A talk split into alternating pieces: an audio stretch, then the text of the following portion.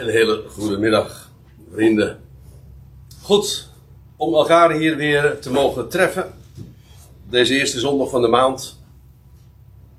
En ik heb inmiddels al uh, dit weekend een, een, paar andere studies ook mogen geven voor jongelui in Maren. Gisteravond en uh, vanmorgen. En toen hebben we het over hele fundamentele dingen gehad. Over het woord dat zo vast is en betrouwbaar. Heerlijk om dat te delen. En nu ga ik uh, jullie meenemen, voor de eerste keer, want u ziet het, er, uh, er volgen nog meer uh, studies in deze serie, over de twee getuigen. Welke twee getuigen? Wel, die in openbaring 11. Want je zou kunnen verdedigen dat, het, dat je verschillende kanten op kunt.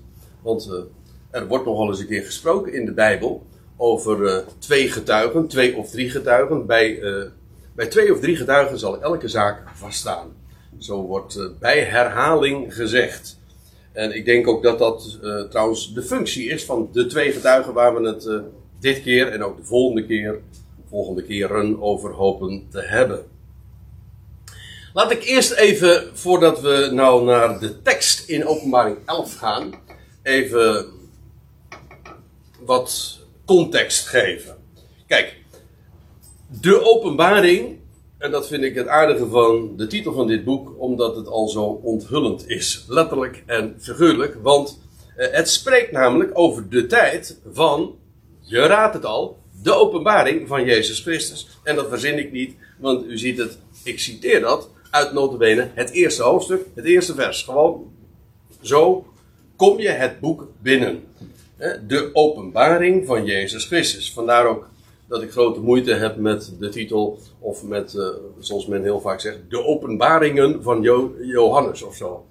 Het is A, het is niet de openbaringen. En B, het is uh, niet de openbaringen van Johannes, het is uh, de openbaring van Jezus Christus. Oké, je zou kunnen verdedigen, het is het boek De Openbaring, geschreven, opgetekend door Johannes. Dat klopt weer wel. Maar goed, ik denk juist dat de essentie van uh, dit boek is dat het inderdaad spreekt over de openbaring van Jezus Christus. En dan weet je op voorhand dat dat dus moet gaan over een tijd die nog gaat komen, aangezien het meest karakteristieke van de afgelopen 2000 jaar is dat Jezus Christus verborgen is. Tot op de dag van vandaag. Hij is ontrokken aan het oog vanaf het moment dat hij uh, het, uh, de olijfberg verliet.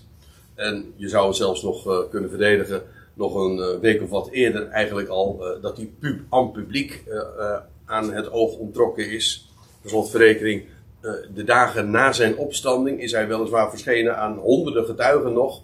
Maar toch aan een selecte hoeveelheid. Aan publiek is hij niet meer gezien.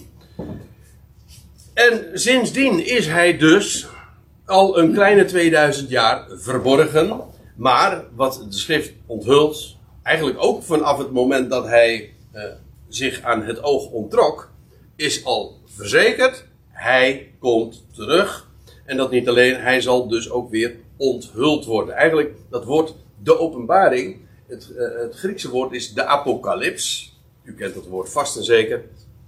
Al was het maar vanwege het uh, bijvoeglijk naamwoord apocalyptisch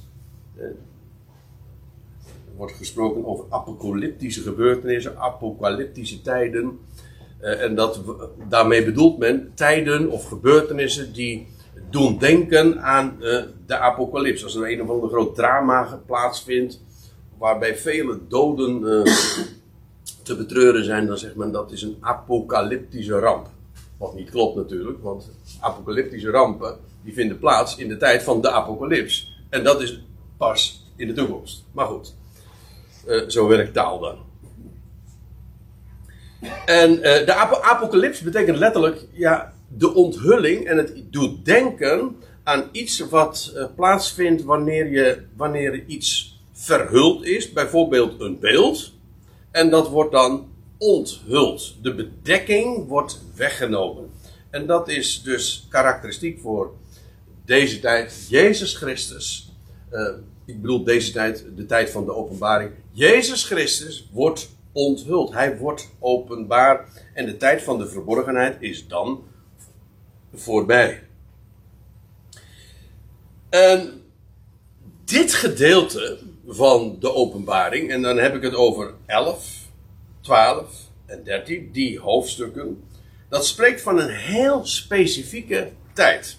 En die laat zich samenvatten als een periode van 3,5 jaar. En die wordt ook uh, zo benoemd. Uh, het is de tijd van 42 maanden, 1260 dagen, tijd, tijden en een halve tijd. Dat moet je zo opvatten: een tijd, twee tijden en een halve tijd. Dus drieënhalve tijd, in dit geval een tijd van een jaar. En dat is dus drie keer hetzelfde, of in ieder geval ongeveer hetzelfde. Komt daar straks trouwens ook nog even op terug. En het is de tijd waarin de twee getuigen optreden. Want dat, zo wordt dat genoemd in hoofdstuk 11, vers 3. Ook dat zullen we straks zien. De, in gedurende 1260 dagen zullen de twee getuigen optreden. Uh, de vrouw, en dan gaat het als een, visioen. Johannes ziet een teken in de hemel. En, en dan staat er ook, hij ziet een vrouw. En die vlucht uh, naar de woestijn, al waar zij een plaats heeft van God bereid en waar zij zal worden onderhouden gedurende 1260 dagen. Zij vindt dus, die vrouw, en dat gaat dan, ook daar komen we nog wel over te spreken, over een, een, een over, overblijfsel van Israël, een rest, een, een groep, een selectie uit Israël dat uh, vlucht naar de woestijn en dan in de woestijn ergens en uh, dat moet dan bij Bosra of bij Petra zijn, ergens in de woestijn van Edom. Daar vindt ze een onderduikadres. En dat wordt ook zo beschreven, 1260 dagen. Overigens, dat is nadat, dat is denk ik van belang voor ons, al was het maar vanwege de inleiding zojuist van, uh, van Koos. Uh, het is na de wegrukking van de mannelijke zoon. Ik hoop even dat u meegaat nu in wat ik vertel. Daar hebben we het vroeger uh, bij eerdere gelegenheden ook wel over gehad. Namelijk dat, uh, over dit hoofdstuk sowieso, over dat uh, die, die vrouw, Israël, die, die baart een mannelijke zoon die al de natieën zou hoeden met een ijzeren scepter. Dan gaat het daar heel uitdrukkelijk over Christus. Maar wat blijkt, is dat de Christus maar niet alleen één iemand is, het hoofd, maar ook een, een heel lichaam, een volk is. Dat zal worden weggerukt voorafgaand aan de 1260 dagen.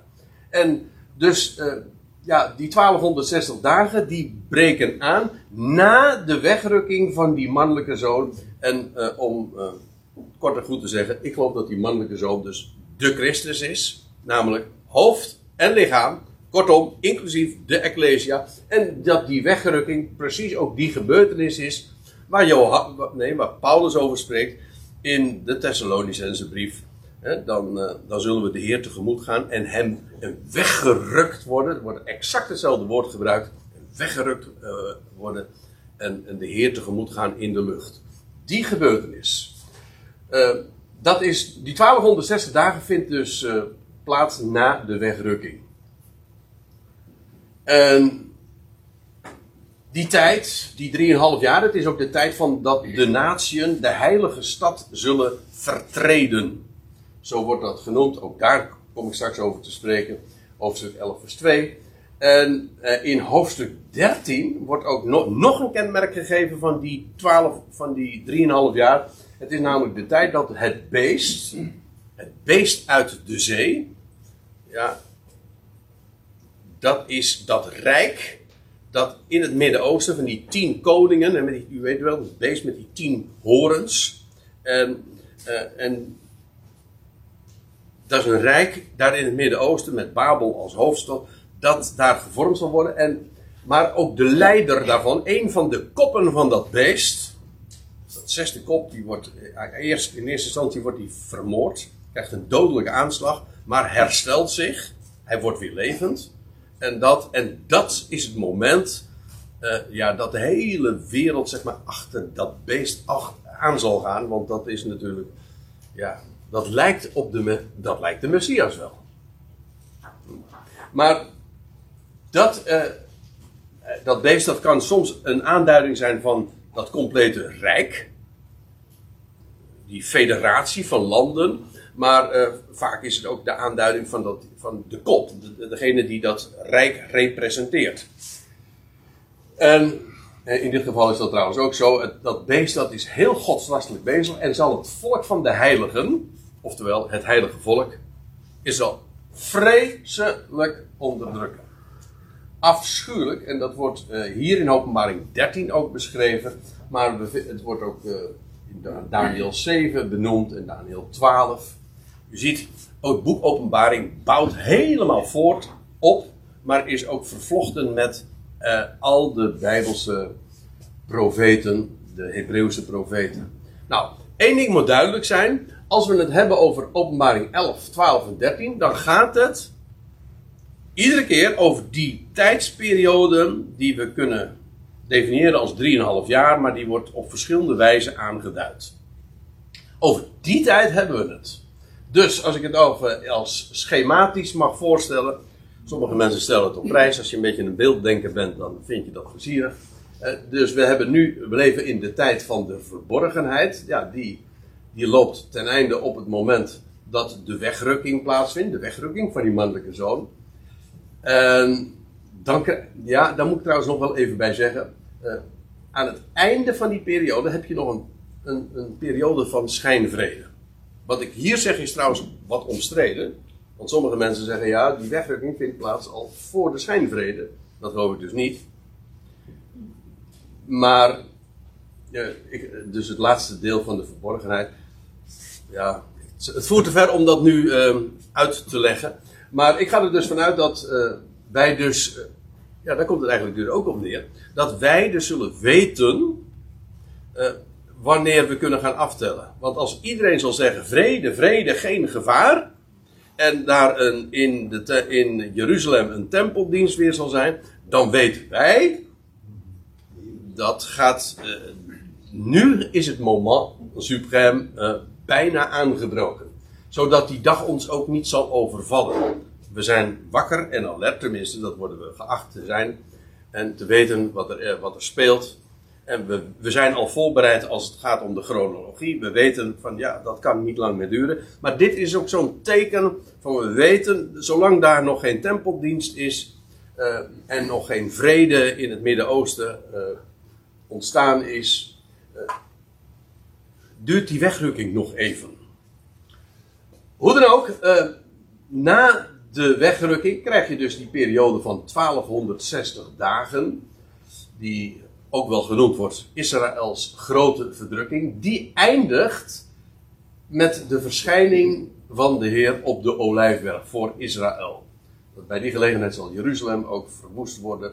Ook daar komen we nog over te spreken. Niet vandaag trouwens, maar dat is aan het einde van die grote verdrukking. En dan eh, krijg je nog een periode van de zeven bazuinen, of zo u wilt, de zeven schalen. Eh, dat zijn de gerichten die over de aarde zullen gaan. Dit gaat vooral over Israël. En als de Heer eenmaal teruggekeerd zal zijn op de Olijfberg en Israël ook verzameld, dan zal vervolgens er ook de, de gerichten over de aarde gaan. En dat niet alleen. Dan eh, Israël wordt verzameld, maar ook een selectie uit Israël, de 144.000, zullen wereldwijd het evangelie van het koninkrijk gaan prediken. In deze tijd. Vandaar ook dat die 144.000 eh, verzegeld worden. En, ze, eh, je leest in openbaring 7 ook dat ze niet aangetast zullen worden door, door de plagen en door de rampen die de wereld zullen treffen. Zij zijn daarvoor van gevrijwaard. Ze zijn daarvoor beveiligd, verzegeld. En eh, aan het einde van die, die perioden, waarvan ik de lengte hier even maar voor het gemak eh, niet eh, bijvermeld, want dat durven we ook niet met zekerheid te zeggen. Dit wordt heel duidelijk afgebakend. Deze periode niet. Dat, kun je, dat is nu even niet het onderwerp. Maar na die zeven bazuinen krijg je dan vervolgens, dan is het koninkrijk ook wereldwijd gevestigd. Dus aan, bij deze gelegenheid eh, is de Heer gekomen voor Israël. Maar dan vervolgens na de periode van zeven bazuinen, gerichten die ook over de aarde en over de wereld zullen komen. Aan het einde daarvan dan is het koninkrijk ook wereldwijd gevestigd. Dus dat is een proces. En als dat eenmaal gebeurd zal zijn, ja, dan vangen de duizend jaren aan, waarin de, waar, waarvan heel karakteristiek is dat de natieën niet meer verleid zullen worden. Dan is de Satan gewonden, zodat hij niet in staat zal zijn om de volkeren te verleiden. Dus uh, dat even als een, uh, ja, als een korte tijdlijn van hoe, uh, hoe de, het boek de Openbaring in elkaar steekt. Nou, dat even dan als, als intro. En dat betekent dat we nu naar hoofdstuk 11, vers 1 kunnen gaan. Ik heb genoeg context nu even gegeven. En dan staat er dit. En u weet, de vertaling die, hier, uh, die u hier leest, die uh, sluit erg aan, is erg sterk aan op wat we hier in de, in de interlineair aantreffen. Dan moet u vooral op die middelste lijn letten. Dit is de meest letterlijke weergave. En er werd mij, zegt Johannes, die tekent dit op. Ik bedoel, Johannes was verplaatst in de dag van de Heer. Hij heeft een tijdreis, uh, zeg ik altijd maar uh, meegemaakt. Hij is verplaatst in de toekomst. En hij ziet dingen. Visionair, soms in beeld, ook soms heel concreet. En, en mij werd een meetriet gegeven. Een meetriet, gewoon een meetlat. Ja, het is hier een meetriet, een stuk riet, maar daarmee werd gemeten. En ja, waarom? Ja, uiteraard om te meten. Uh, en dat houdt uh, in de Bijbel altijd verband als iets gemeten wordt. En dat is, uh, lijkt mij niet zo'n heel uh, moeilijke associatie. Het houdt verband met het bepalen van eigendomsrechten. Je, je moet, iets, je moet iets weten. Ja, meten is weten, nietwaar? En de lengte en de breedte enzovoort. Kortom, de maten moet je weten om, ehm, om te bepalen hoe het zit met van wie wat is. En dat is hier ook heel duidelijk het geval, want het gaat hier om het gebied uh, waar de twee getuigen zullen profiteren. En die wordt uh, afgebakend. Dat is de plek waar zij zullen opereren. En die wordt afgebakend. En, die moet, en uh, het staat er nog bij, het, leek op, het lijkend op een staf. En, en dat ondersteunt denk ik wat ik er zojuist over zei. Want het heeft te maken met eigendomsrechten. Maar een staf in de Bijbel wordt ook, en vooral in het boek Openbaring, ook geassocieerd met heerschappij. Een ijzeren staf. En ook hier is dat uh, dan het geval. Het gaat om eigendom en, uh, en heerschappij. En dan wordt, terwijl hem dus dat, die, die meet, dat meetriet, dat op een staf lijkt, uh, gegeven wordt, wordt tegen hem gezegd: Kom overeind, of sta op, en meet de tempel van God. En het altaar, en degene die daarin aanbidden. Moet je even dit weten. Kijk, de tempel, dat is het, uh, dat is het eigenlijke tempelhuis. Uh, dat is het Griekse woordje naon. En u moet. Wij maken dat verschil soms niet. Maar in het Grieks zie je dus heel duidelijk: je hebt de tempel, dat is het heilige en het heilige der heiligen. En dan heb je daar omheen de voorhof. En dat is niet, de eigenlijk, dat is niet het eigenlijke tempelhuis. Vandaar ook dat uh, het wordt wel weergegeven met uh, het tempelhuis dus. En het terrein eromheen, dat is wel het tempelplein, de voorhof. En in die voorhof uh, stond dan het, met name dan het brandofferaltaar. En vandaar ook dat hij, uh, hij moet overeind komen. Hij moet de tempel van God meten en het altaar en degene die daarin aanbidden. Dat wil zeggen in dat gebied waar het altaar staat. Dus de voorhof. De voorhof met dat grote brandofferaltaar. Je had daarachter ook nog het, uh, het watervat, het uh, wasvat. En dat betekent dus dat Johannes. neem niet kwalijk. Wordt opgedragen het complete tempelterrein uh, op te meten. Ja, en nu komen we op iets heel boeiends. Uh, want dan staat erbij. En laat de hof, die buiten de tempel is, er buiten, die zou je niet meten. In het Grieks, dat, dat is even van belang om dit wat scherp te stellen, want het is heel boeiend. Want uh, in het Grieks staat hier hof, uh, het Griekse woordje aule, waar ons woord aula trouwens weer van afgeleid is. En wat is, een, wat is dat? Een aule, dat is een, een omheinde ruimte. En dat is eigenlijk niet zo moeilijk, want dat is eigenlijk wat wij ook een hof noemen. En uh, trouwens, ik heb wel eens begrepen van het woordje, ons woord tuin.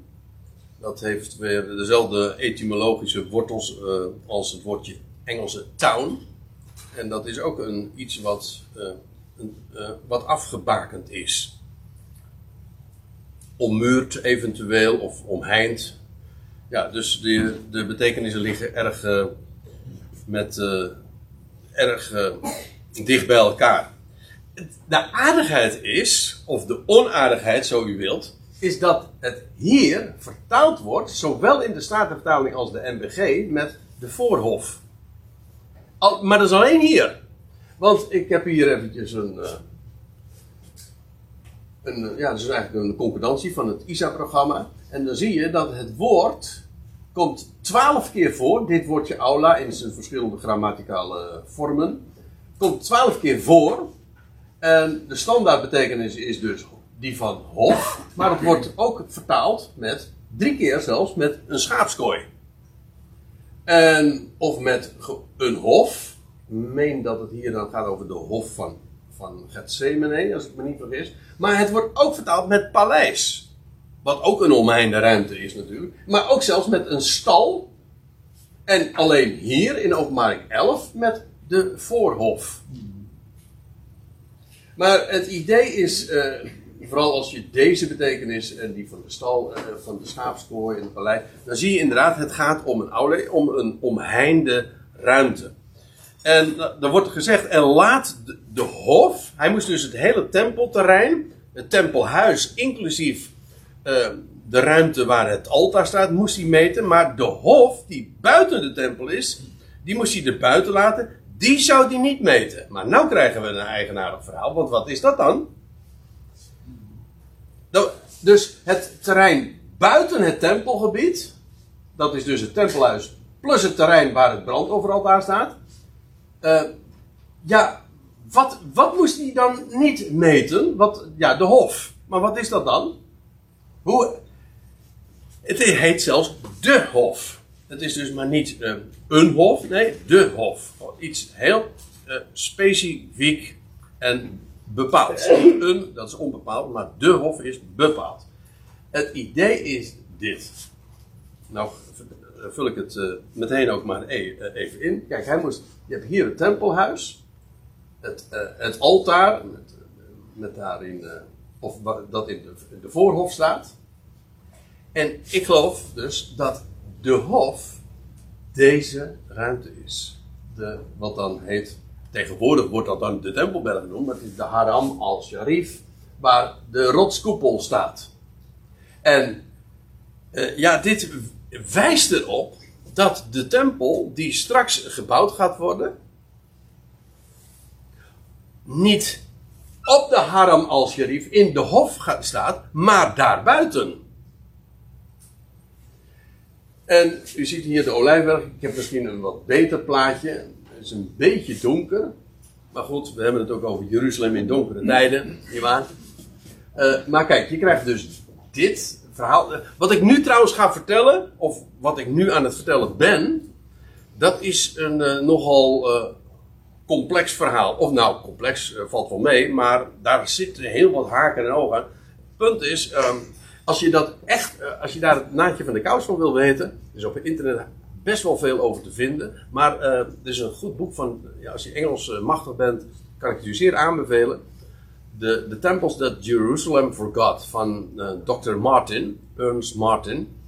En die heeft het allemaal beschreven en die betoogt dat dit gebied, of zou ik dit, dit gebied, uh, dat dit niet de, waar, uh, de plek is ook in, waar de vroegere tempel stond. Hij zegt, dit gebied dit is waar de. Uh, hoe heet het? De, de, burg van Antonia, ik kwam even niet op het woord. Waar de burg van Antonia uh, gevestigd was. En dat de tempel daar vlak naast stond. Niet hier, maar hier. Bij de, bij de berg Ovel en ook waar de, waar de Gion. Er was één, één bron van Jeruzalem, dat is de Gionbron. En, daar, en dat is hier, en dat is pal boven de tempel geweest. Je moet zich realiseren dat er ook heel veel afgegraven is in de loop van de duizenden jaren. Dus, uh, maar in ieder geval, dat, uh, dit is dus een plaatje vanaf de Olijfberg genomen. dus dan heb je, dit is het gebied geweest waar, uh, waar de Romeinse kazerne stond. Waar trouwens meer dan 10.000 militairen dat, dat is maar niet een klein plekje geweest, hè? maar 10.000 militairen uh, gevestigd uh, gehuisvest waren. En het was een, heel groot complex. En, en, dat betekent trouwens ook weer, zonder dat ik daar nu dieper op inga, maar dat betekent dus dat dat stukje muur, wat daar nu nog sta, staat, wat wij dan noemen de klaagmuur, en waarvan men zegt, het is een stukje nog van de vroegere tempel, dat dat uh, in werkelijkheid uh, nog een stukje muur is van de burg van Antonia. En dat, er, en dat bevestigt de woorden van de Heer Jezus, die ooit al zei van dat er geen steen op de andere zou blijven staan. Toen hij dat ook trouwens vanaf de Olijfberg al profeteerde, geen steen zou er op de andere blijven staan. En dat inderdaad in het jaar 70 die hele tempel is verwoest. Er is niets van overgebleven. En wat er nog van overgebleven is, dat ja, wat er overgebleven is niet van de tempel. Dat is gewoon van de Romeinse muur. Van die kazerne. En dat is eigenlijk ook niet zo gek dat dat uh, overeind blijft. Want ja, dat was precies het gebied uh, waar, uh, ja, van de Romeinen. Die er verantwoordelijk voor waren dat Jeruzalem überhaupt verwoest werd. Maar ik moet u zeggen, afgezien van dit historische verhaal, waar Dr. Martin vooral op ingaat moet ik eh, zeggen dat het juist profetisch buitengewoon boeiend is als je dat in openbaring 11 terugleest. Want dan zie je dus inderdaad dat, dat daar gesproken wordt over het tempelhuis. Eh, ook over het gebied waar het altaar staat, dat gemeten zou worden. Maar de hof daarnaast, of ja, die moest daar buiten gelaten worden. En dat, eh, dat bevestigt inderdaad het verhaal dat eh, dat ik ervan uitga dat, dat de tempel hier weer uh, gebouwd uh, gaat worden in, als het mij vraagt, de nabije toekomst. En dat dit gebied daar buiten blijft. En dat betekent dus ook dat het, wat heel vaak gezegd is van ja, eerst moet deze rotskoepel verdwijnen. Alvorens de Joodse eredienst weer hersteld kan worden. Dat hoeft helemaal niet. Dit kan gewoon keurig gewoon door blijven gaan. En je kunt je zelfs voorstellen dat dat een, geweldige uh, vredesregeling ook dus niet in de weg staat. Dus dat betekent dat die, die moslim, dat de moslimheiligdom daar gewoon intact kan blijven. En dat daar daarnaast, vreedzame coexistentie heet dat geloof ik met een mooi woord. Heet dat, kan daar gewoon een tempel neergezet worden. Maar het zal niet lang zijn trouwens. Maar in ieder geval, eh, ja, hier nog een eh, plekje hoe dat er ongeveer uitgezien moet hebben. In eh, de dagen van. dit, is, dit moet dan in een aanzicht geweest zijn in de dagen van de Heer Jezus in de eerste eeuw. Dat er een enorme grote brug over het Kidrondal, die rechtstreeks naar de tempel leidde. En ja, dit was dan de tempel en hier had je dan de burcht van Antonia. Met hier nog grote lange trappen, die we ook kennen uit de Bijbelse geschiedenis, want daar heeft Paulus ooit een hele lange, of nou ja, een uh, bekende rede gehouden op de trappen van uh, de burg naar Antonia. Nou ja, dit is zomaar wat, wat impressies, dat begrijpt u. Want dit is geen luchtfoto uit de eerste eeuw. Nee, dit is een artistieke impressie. Oké, um, laat de dat is wat tegen Johannes zeggen. Laat de hof, die buiten de tempel is, erbuiten, die zou je niet meten. Want deze werd gegeven aan de natieën. Hey, dat is aardig. Want die hof, die Johannes niet moest meten, die werd, let op, het, trouwens het werk, of de werkwoordsvorm, de tijdsvorm, die werd gegeven aan de natieën. En ja, als, als dat inderdaad doelt op dat grote plein waar sinds eeuwen de rots, rotskoepel staat, de, de Haram al-Sharif, dan klopt dat natuurlijk als een bus. Want die werd inderdaad, dat gebied, werd aan de natieën gegeven. En tot op de dag van vandaag is het trouwens zo dat dat gebied niet aan eh, Israël behoort, maar ook nu nog steeds, ook na de Zesdaagse Oorlog, nog steeds onder eh, het mandaat staat van de Jordaanse koning. Dus dat, specifiek dat gebied is uh, ook vandaag niet Joods. Trouwens, orthodoxe Joden is het ook verboden nog steeds om daar uh, op te gaan. Maar dat heeft weer andere redenen.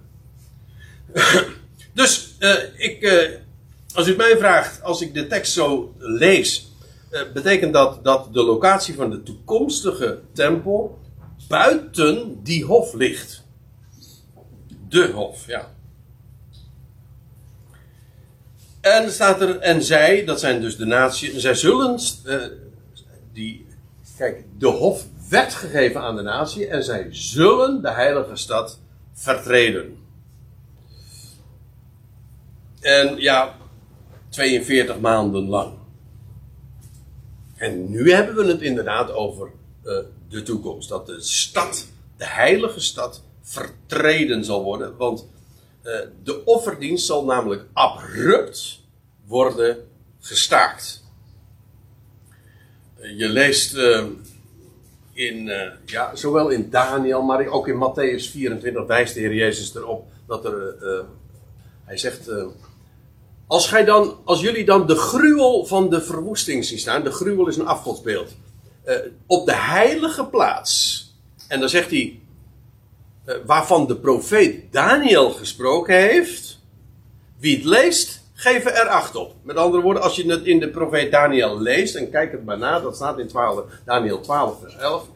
Dan wordt, daar wordt een afgodsbeeld geplaatst. En dat, ja, je, je kunt je voorstellen, daar, wordt een, uh, daar er komt dus een tempel uh, en een eredienst. En dan wordt die uh, abrupt beëindigd. En in plaats van de offerdienst wordt de, de, ja, er staat er ook bij, de dagelijks offer wordt gestaakt. En in plaats daarvan wordt er een afgodsbeeld geplaatst. Dat heeft trouwens, uh, dat roept uh, voor een Jood uh, historische herinneringen op. Want dit heeft ooit al een keertje eerder plaatsgevonden in de, in de tijd van de Maccabeeën. daaraan voorafgaande Antiochus Epiphanes. Die, dat er ook inderdaad hele afgodische praktijken plaatsvonden daar op het Tempelplein. Dus, uh, maar dat gaat in de toekomst dus opnieuw gebeuren. Uh, de heilige stad zal vertreden worden. En uh, dat zal ook niet alleen, daar komt niet alleen een afgodsbeeld te staan. Maar dat zal ook een totalitaire cultus met zich meebrengen. En daar lezen we over in Daniel, pardon, in openbaring 13. Dat daar, je leest ook over een, dat een beest uit het land uit het land van Israël komt. Dus je hebt een beest uit de zee, uit de Volkerenzee. En je hebt een beest dat uit het land zal komen. En die, die support dat beest uit de zee. En die zal ook, uh, er zal ook een, er staat er ook bij, er zal een beeldvorm gemaakt worden. Uh, heel eigenaardig, want je leest dat het beeld ook kan spreken. En wordt levend. Het is een levend beeld. Hoe je dat moet voorstellen, ja, sommige mensen denken dat dat echt een, een andere robotachtig iemand. Uh, maar ik weet niet of je in die termen moet spreken. Maar in ieder geval, het beeld leeft. Op zich kennen wij allemaal het fenomeen sinds uh, decennia van een levend beeld en een sprekend beeld. Want daar kijken we elke avond toch naar.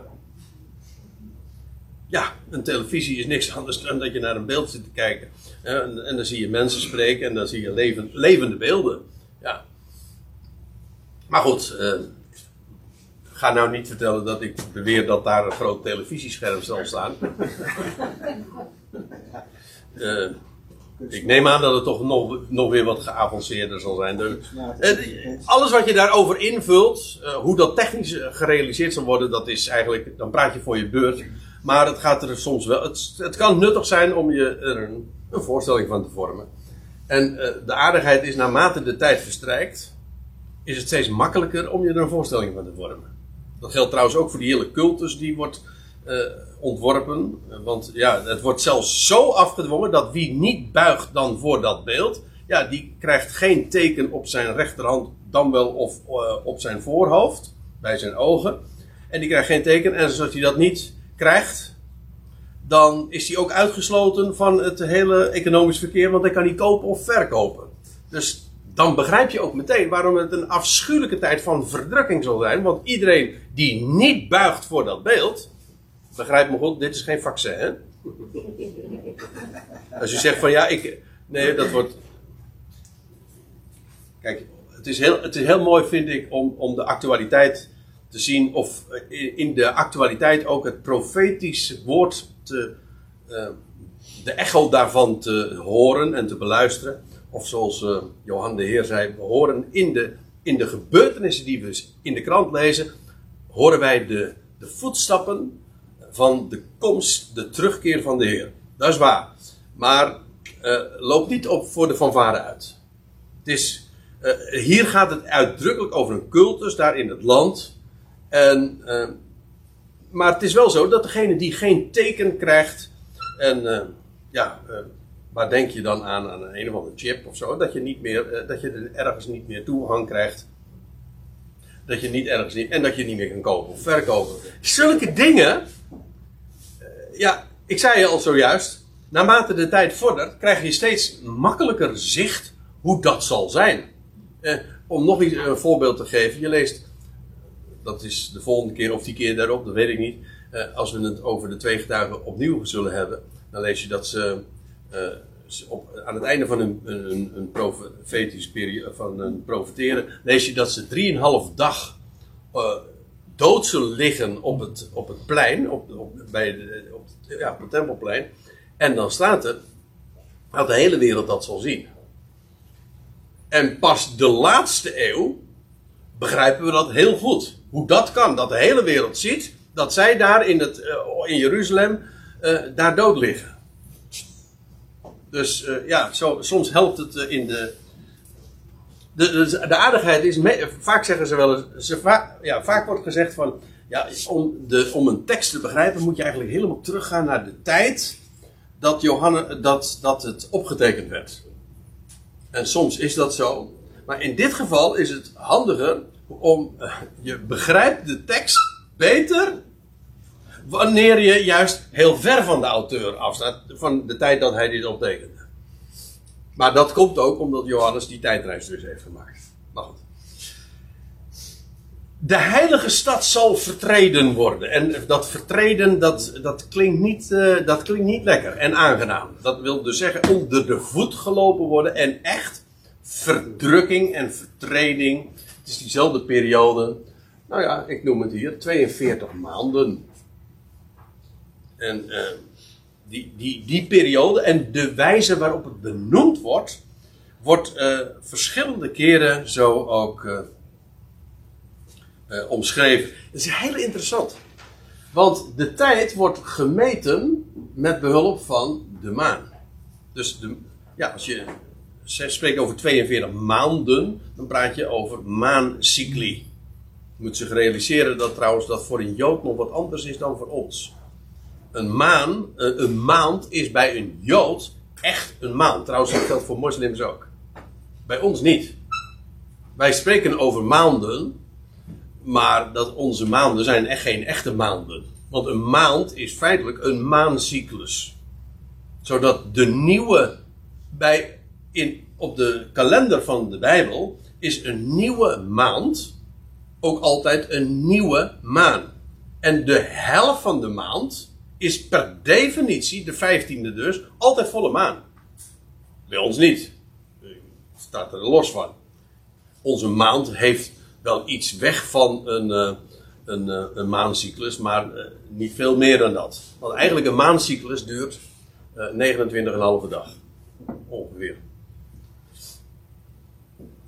Maar voor een Jood is het dus heel belangrijk dat die nieuwe maan dus altijd, inderdaad, of de nieuwe maand altijd aanvangt op de eerste de nieuwe. Maar eh, even, weer terug naar, naar die, die, het feit dat de tijd gemeten wordt in maanden. Want daar zit nog iets mooi, iets heel aparts in.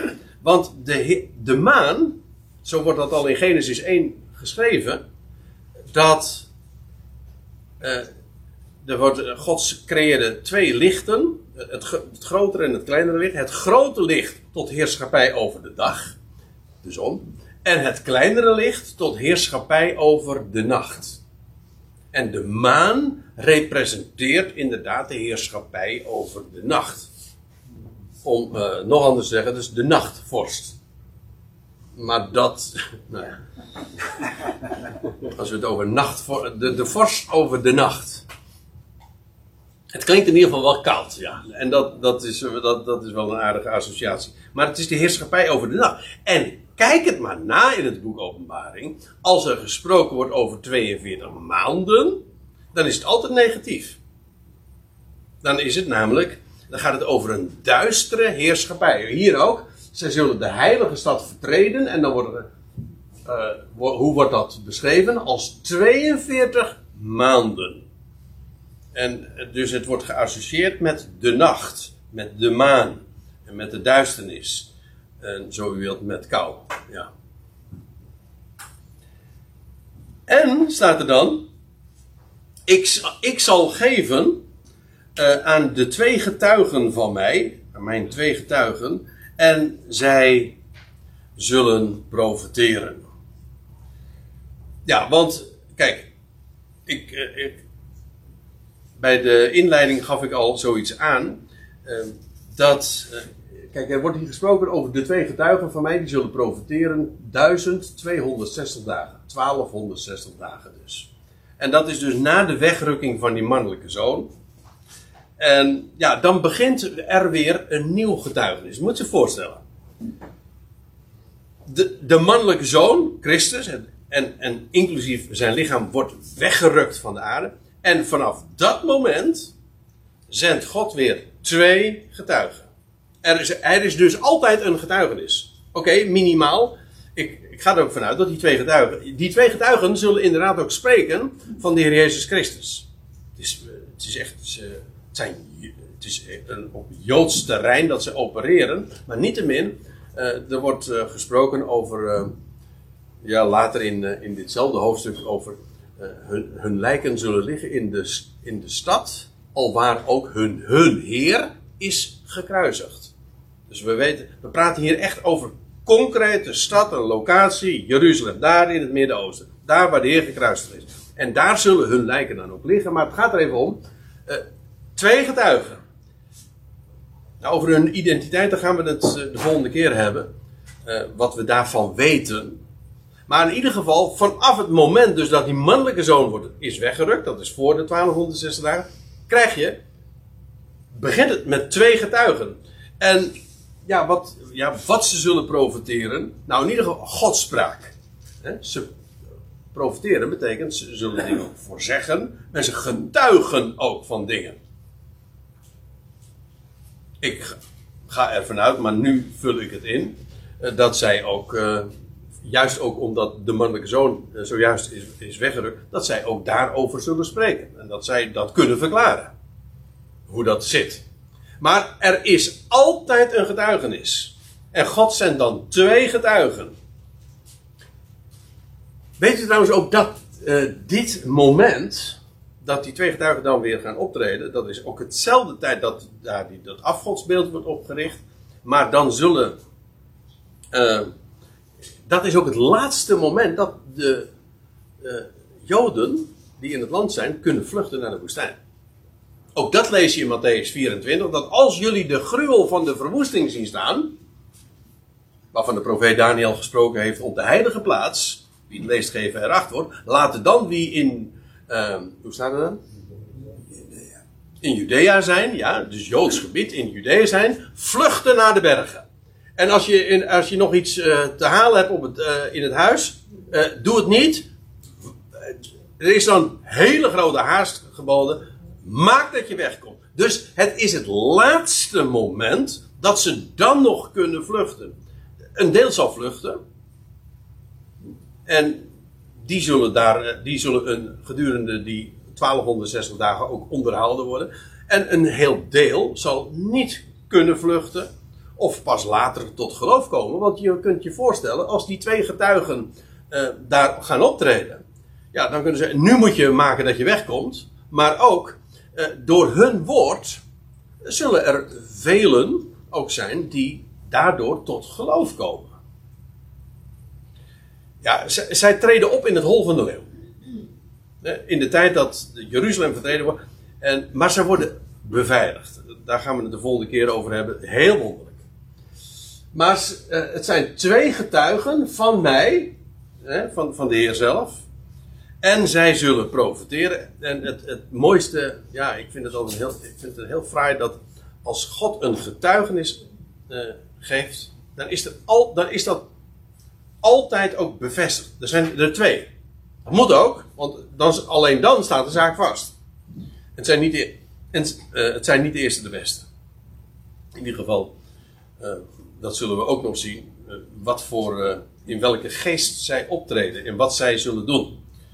En het zal zijn 1260 dagen. En nou is het weer zo aardig, want dit is precies een bevestiging waar ik het over had. Want hier, we hadden, toen het ging over de vertreding van Jeruzalem, werd dat gemeten in maanden. De duisternis. Maar nu er gesproken wordt over het getuigenis en de eh, profiteren van de twee, die van Gods wegen zullen getuigen, dan wordt het gemeten in dagen. In de termen van de zon, het licht. Want dat is wat uh, uh, dagen, dat is in feite de periode dat het licht schijnt. Hè? God noemde het licht dag en de duisternis nacht.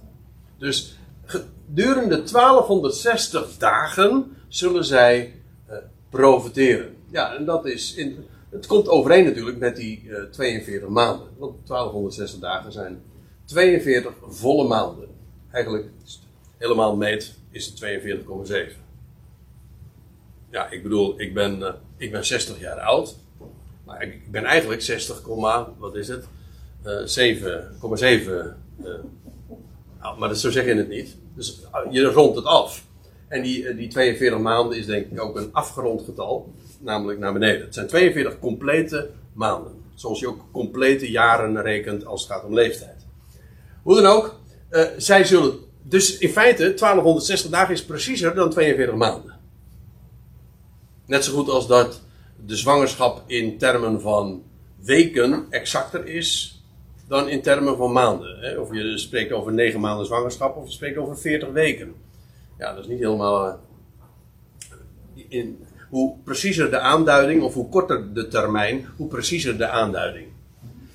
Uh, zij zullen dus 1260 dagen uh, profiteren. Ja, het, het, de aardigheid is dat als je gewoon leest wat er staat, dit behoeft geen uitleg. Als u het mij vraagt.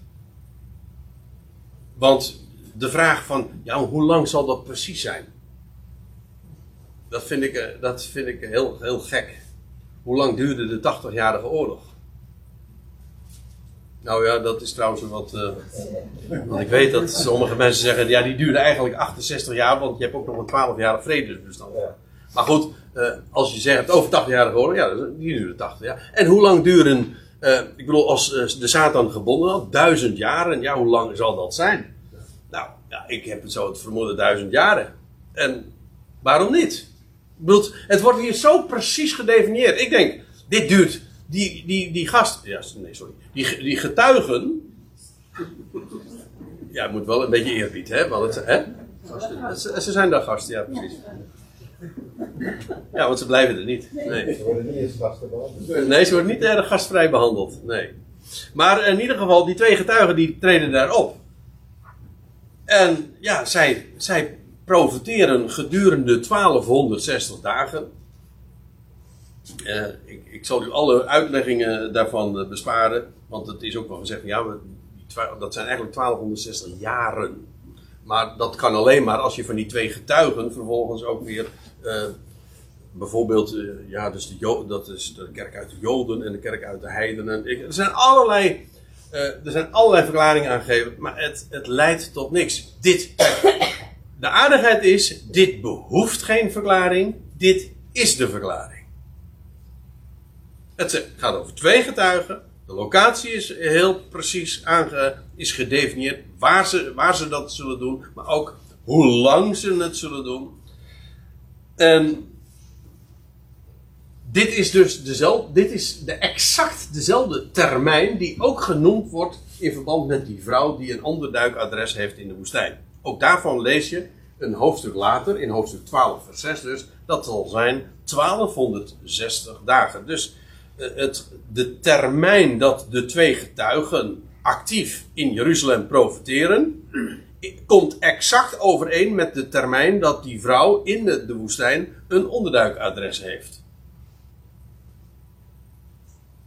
En er staat bij, ja, ik zal geven aan de twee getuigen van mij en ze zullen profiteren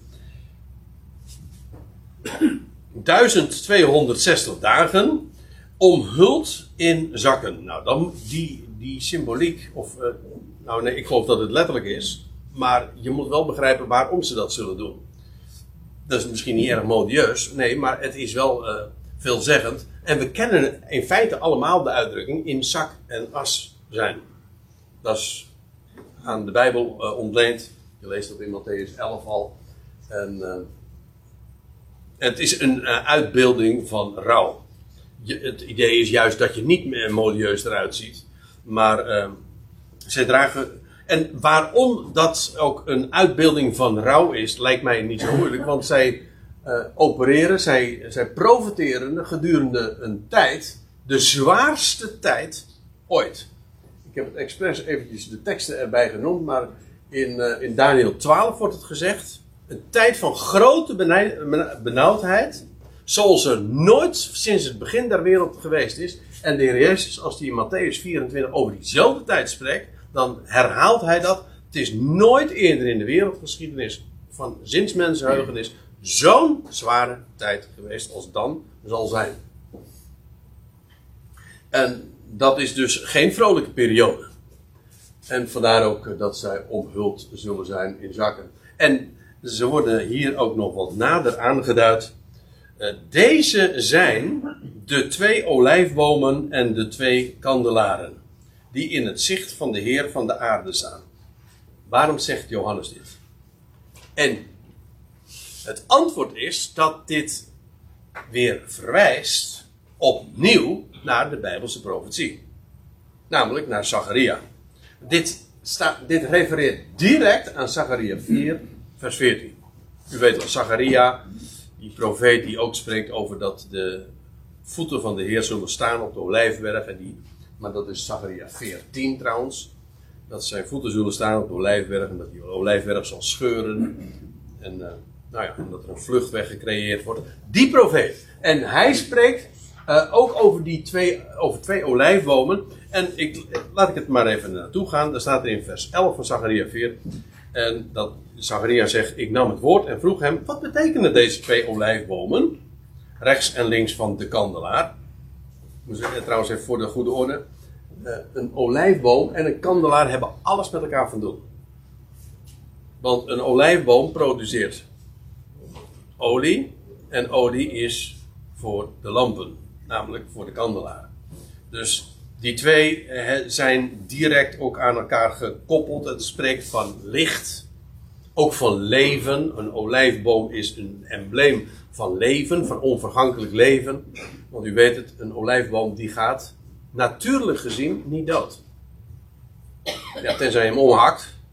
Of uh, je doet er hele gekke dingen mee. Maar normaal gesproken, het, het is een zich regenererende boom. En die blijft duizenden jaren oud worden.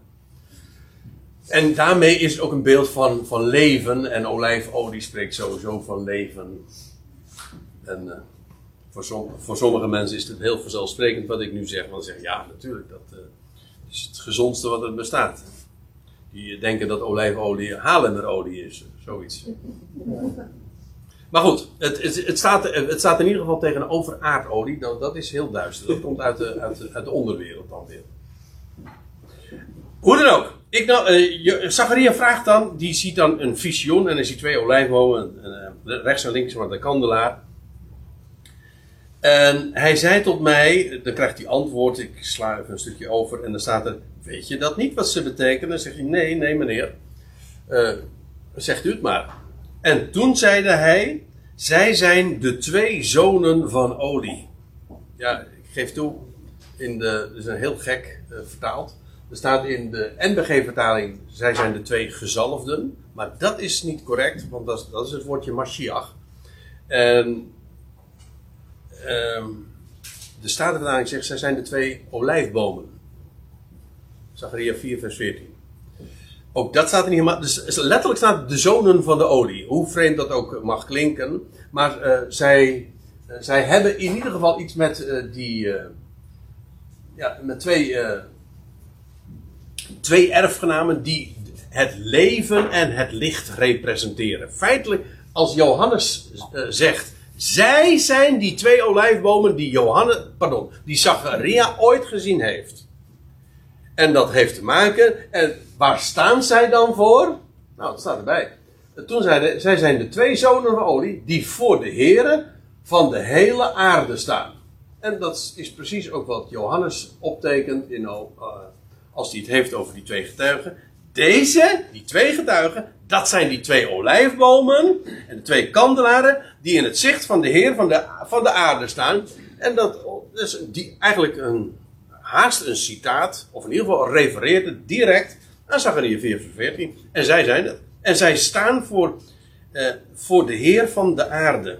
En zij staan voor, en betekent ook gewoon, in onze taal trouwens ook, voor uh, representatie. Als ik zeg van, uh, ja, noem eens wat. goud staat voor geld.